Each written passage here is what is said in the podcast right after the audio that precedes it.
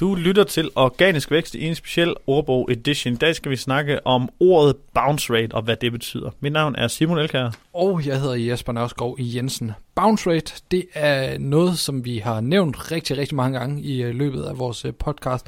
Og det refererer til, når du øh, klikker dig ind på en hjemmeside fra Serben fra Google, og så med det samme klikker tilbage igen. Eller det kommer så også lidt an på, øh, hvem man spørger. Fordi ja. at... Øh, det, vi vil jo definere det der som et bounce og noget, noget værre juks, men hvis du går ind i uh, Google Analytics og kan se, at uh, du rangerer egentlig fint, men din bounce rate er ualmindelig høj, så kan det godt være et udtryk for, at uh, folk lander på din side, og det er den endegyldige destination. De bouncer ikke for din side.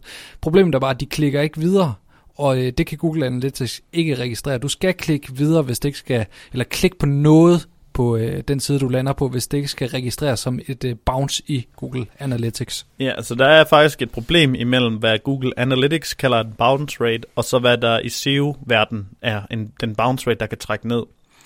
Øh, hvordan og hvorledes vi kan måle det, det har vi nogle øh, idéer til øh, med nogle scripts, hvor øh, vi kan se, hvor lang tid de bliver på siden, fordi det kan du heller ikke med Google Analytics, medmindre du klikker videre på siden det der er ved det, det er, at du kan sagtens øh, have et blogindlæg eller en, noget andet, øh, som er den destination, og som opfølger brugerens ønske.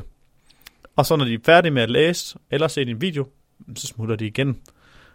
Men så er det sådan set et bounce ind i Analytics øjne, men det er ikke sikkert, det er et negativt signal i Search øh, eller i Googles øjne.